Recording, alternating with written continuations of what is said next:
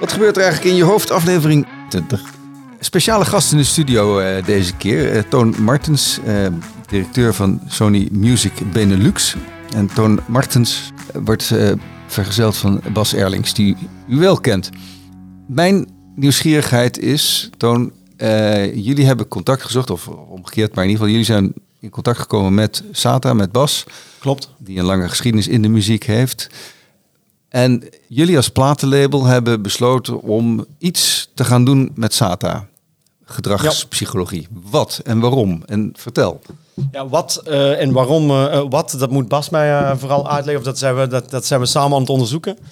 Maar waar het vooral om gaat, is dat de industrie heel erg veranderd is natuurlijk. Dat is een open deur. Hè, met de, de, de, de muziekindustrie. Ik werk aan de recorded kant. Dus het gaat over eh, wat men vroeger de platenverkoop noemde. Ja, platenverkopen doen we niet meer. We, we leven in een, in een markt die bijna 90% streaming is. En streaming is een hele andere manier van muziek consumeren. Uh, mensen hebben een abonnement op Apple Music of op Spotify en gebruiken dat en luisteren naar van alles en nog wat. En doen dat ook heel vaak onbewust. Zet een playlist aan, eh, drukken ergens randomly op play. En voor ons is het natuurlijk belangrijk dat onze muziek, onze artiesten gestreamd worden.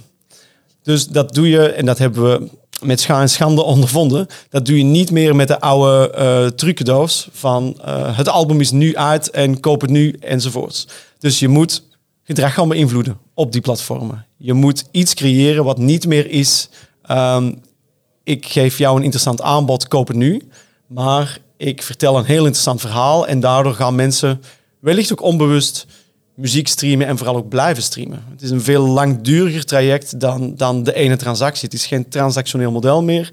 Het is een platform dat ongoing is, waar mensen constant op zitten en waar wij willen proberen om, om mensen onze kant op te sturen. Dus dat is eh, eigenlijk helemaal geen toeval dat ik dan bij, eh, bij Bas en de zijne uitkom om het over gedragsbeïnvloeding te hebben. Bas, Nou, ja, muziek is hoe ehm, zie je het voor je? Ja. al, altijd al mijn grote fascinatie. En, eh, en hierover praten vind ik echt het allerleukste dat er maar, eh, dat er maar is. En wat al eigenlijk sinds heel jong mijn, mijn grote fascinatie is, of het nou politiek is of eigenlijk, ik denk dat we, dat we eigenlijk op alle vlakken vanuit die gedachten werken. Maar ergens ontstaat er een verbinding tussen personen.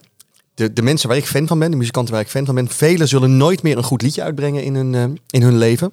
Maar als zij weer komen en ik moet er 120 euro betalen om ze te gaan bekijken, dan doe ik dat blind weer. En, en ergens vervullen die mensen, zijn het dingen waar ik in mijn leven naar streef, die zij invullen? Of, of staan zij op een bepaalde manier in het leven? Hebben zij interesses? Of leven zij het leven dat ik zou willen leven? En ergens ontstaat die verbinding. En, en daar eh, ontstaat fandom en daar ontstaat kaartverkoop en merchandiseverkoop. En er zijn natuurlijk genoeg artiesten die een, een superhit hebben, maar, maar nooit een concertkaartje zullen verkopen, omdat die verbinding nooit tot stand komt. Het is nooit alleen het liedje.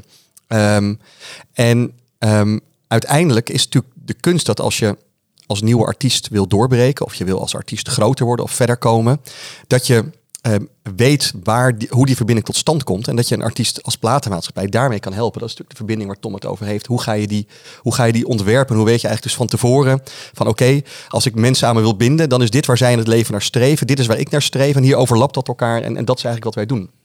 Als ik bijvoorbeeld naar mezelf kijk, naar merken die ik graag koop, of artiesten waar ik naar luister, dan zijn dat, hebben die vaak een soort, zijn het een beetje dezelfde type. Zitten ze, je hebt van die archetype modellen van Jung, zeg maar, zijn het vaak een beetje dezelfde. Zijn het merken die de randjes opzoeken, die avonturen beleven, die spannende dingen doen. En dat is blijkbaar waar ik naar streef in mijn leven. Dus de artiesten waar ik naar luister, de merken die ik koop, die zitten altijd in die hoek.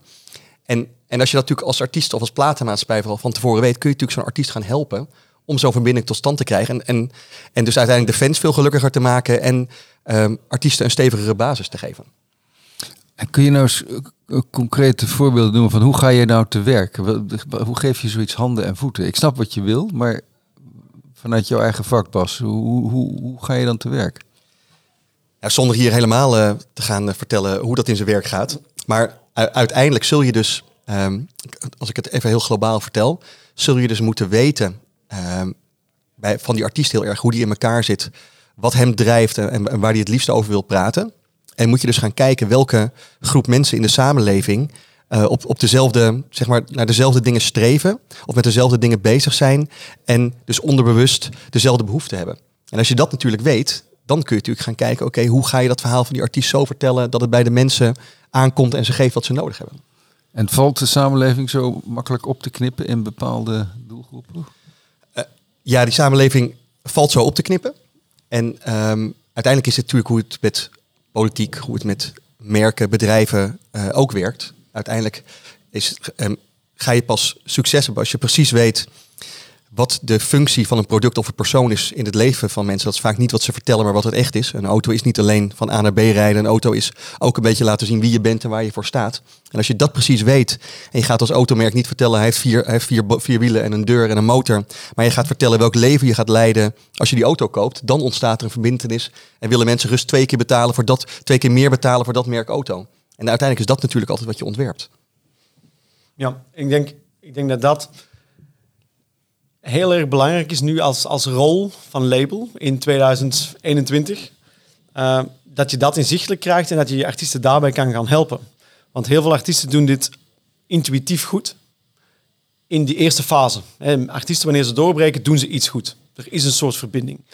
En, en wat je ook vooral ziet, is dat artiesten dit vooral doen met de core fanbase. De mensen die uh, bij shows opdagen en, en die heel erg fanatiek met muziek bezig zijn. De verbreding zit hem natuurlijk in de diepere lagen van de bevolking, in de meer mainstream audiences, die niet zo met muziek bezig zijn. En ja, daar, daar lopen artiesten vaak verloren. En dan uh, dat gecombineerd, dus wat je in het begin goed doet, dat kunnen volhouden, dat consequent doen, dat is niet altijd duidelijk. Want één, een artiest weet niet altijd precies wat hij goed doet. Die doet dat intuïtief. En twee, dat is een bekend fenomeen. Hè, als een artiest een hele goede eerste plaat maakt, die tweede is helemaal anders, want plots moet hij een goede plaat gaan. Maar die eerste plaat is heel spontaan, intuïtief gemaakt. Die tweede, ga je plots, zit er plots iemand van de plaatfirma bij die er een mening over heeft. Ga je plots denken, oh, nu moeten we een hit gaan maken, want wij weten toch hoe we een hit maken. Dus alles in je hoofd is anders. Dus daarbij helpen om duidelijk te hebben van dit, dit, zijn, dit zijn de componenten die wij belangrijk vinden in het verhaal dat we willen vertellen. En dus weggaan van de druk van het moet een hit zijn, uh, weg van de druk van... Uh, wat de quick wins zijn om snel even succes te halen, maar waar het dieper liggend, zoals Bas het, waar Bas het over heeft, waar het dieper liggend over gaat. En dat boven water krijgen, uh, daar is een artiest natuurlijk niet mee bezig. Ik vind dat de rol van, van, van ons nu, om daar een artiest te helpen, om die brand echt meer legs te geven, meer lange termijn te geven. En dat, dus dat is het verhaal definiëren, het verhaal overleggen met de artiest zelf en dan vervolgens consequent aan vasthouden. Ja, ik, denk, ik denk dat ook een stukje, een stukje um, het is vaak bij een eerste succes dat je gelijk een soort stukje reverse engineert en probeert te analyseren voor je artiest. Wat zijn nu de dingen die dat succesvol maken? En het heel interessant wat gebeurt in onze samenwerking. Het is ook fijn dat je met mensen werkt die net iets meer buiten die muziek staan. Dat zijn de dingen die muzikanten, artiesten en ook wij in alle eerlijkheid vaak niet zo belangrijk vinden. Sterker nog, soms zelfs niet willen horen. Wij denken natuurlijk dat het gaat over het feit dat of de artiest dat, het, dat hij geniaal is en een fantastisch liedje heeft geschreven. Maar misschien is er iets anders aan de hand. Kun je, komt er een voorbeeld in je hoofd? Uh, ja, zeker wel. Suzanne en Freek zijn bij ons. Uh, we zijn met hen begonnen vanaf de eerste nootmuziek die ze hebben uitgebracht. En dat ging gelijk heel erg goed. Was een heel goed liedje. maar er is, en dat, dat, is, dat is iets wat wij samen zijn beginnen ontleden en gaan bekijken. Er is iets anders aan de hand. Zij raken een hele grote laag van de bevolking in herkenbaarheid. In hoe zij in het leven staan. Ehm, en dat, dat zijn dan allemaal dingen die je als waar je, wat ik net zei, je bent er als artiest niet per se mee bezig. Want je bent met muziek bezig en ik wil ook dat die artiesten met muziek bezig zijn. Maar als je daaromheen campagnes gaat bedenken, marketing gaat bedenken, kan je net heel erg gaan inspelen op wat nu die triggers zijn waar mensen zo op aangaan. Dat is niet alleen die leuke liedjes van Suzanne Freek. Het is, het is iets anders. En, en als je dat even door, doorvertaalt naar wat we bijvoorbeeld gedaan hebben bij de album uh, release een paar weken geleden, hebben we een pop-up store ge, ehm, ehm, ingericht in Utrecht. Dat was niet om daar zoveel mogelijk uh, cd's op een weekend te verkopen. Maar wat er gebeurde was dat er een soort letterlijke verbinding ontstond op microniveau. Want er waren helemaal niet zoveel mensen, maar op, op een microniveau waren Suzanne en Freek daar aanwezig om samen met doorsnee Nederland, zeg maar, samen hun liedjes te zingen. En dat, dat was zo mooi en zo verbindend. En dat is, dat is waar dat echt om gaat. En natuurlijk nu met social media verspreidt dat verhaal zich heel snel. Dus het is een micro, je gaat net op heel klein niveau iets, iets installeren of iets engineeren zodanig dat dat, dat gebeurt. En daardoor komt die boodschap heel erg naar boven. Dus dat voelt niet, ehm, niet gemaakt of zo. Maar het is wel dat verhaal wat dan daardoor in de verf komt.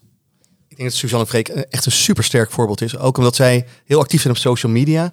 Maar daar bijna niet over hun muziek praten. Maar vooral de levensstijl laten zien, zeg maar, die ze hebben. Die hun fans ontzettend aanspreekt. Die zitten in dezelfde levensfase, zijn ook bezig met het opbouwen van hun leven met z'n tweeën. En die voelen zich heel erg aangesproken door die mensen die dat ook doen. En die dat daar dus dat op een hele succesvolle manier doen. Maar dat wel de, de, heel erg de, de kleine dingen in ere houden of zo. En ondertussen spelen ze binnenkort Ziggo Dome, geloof ik. Ja. Um, gaat, gaat het zo hard.